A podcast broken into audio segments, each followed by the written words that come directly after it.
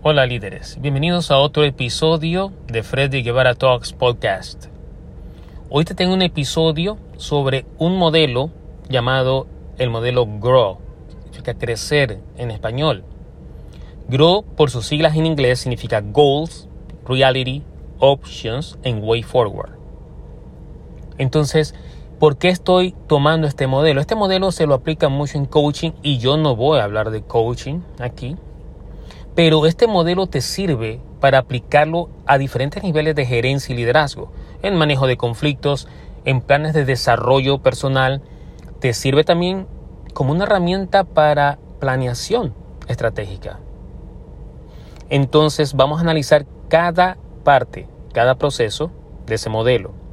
Comenzamos. El modelo comienza con unos objetivos. Tienes que preguntarte cuál es el objetivo de la reunión que tú estás teniendo, si es una reunión, o cuál es el objetivo individual, el objetivo de equipo y el objetivo de la organización que se quiere alcanzar en ese momento. Número dos, la R es por realidad.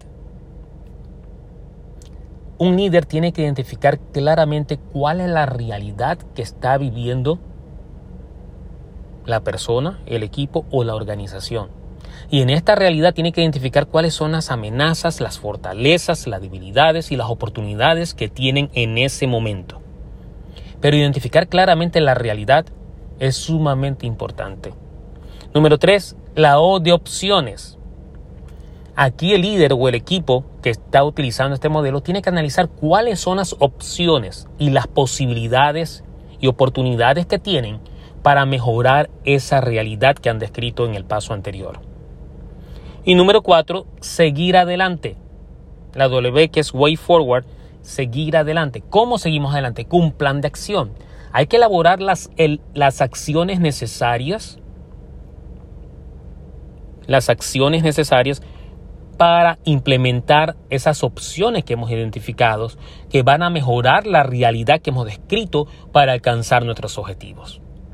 ¿Viste cómo fuimos del último paso hasta el primero? Vamos a repetirlo. En seguir adelante planeamos y elegimos las acciones que vamos a tomar para aprovechar las opciones que hemos identificado, cuyas opciones nos van a mejorar la realidad que tenemos y nos van a permitir alcanzar los objetivos que nos hemos planteado. Así trabaja este modelo.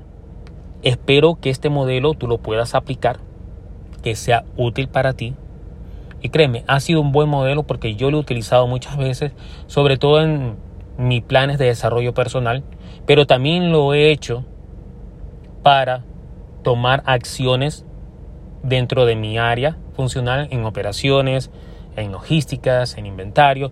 Este modelo es sencillo, simple, pero con gran impacto cuando es utilizado eficazmente.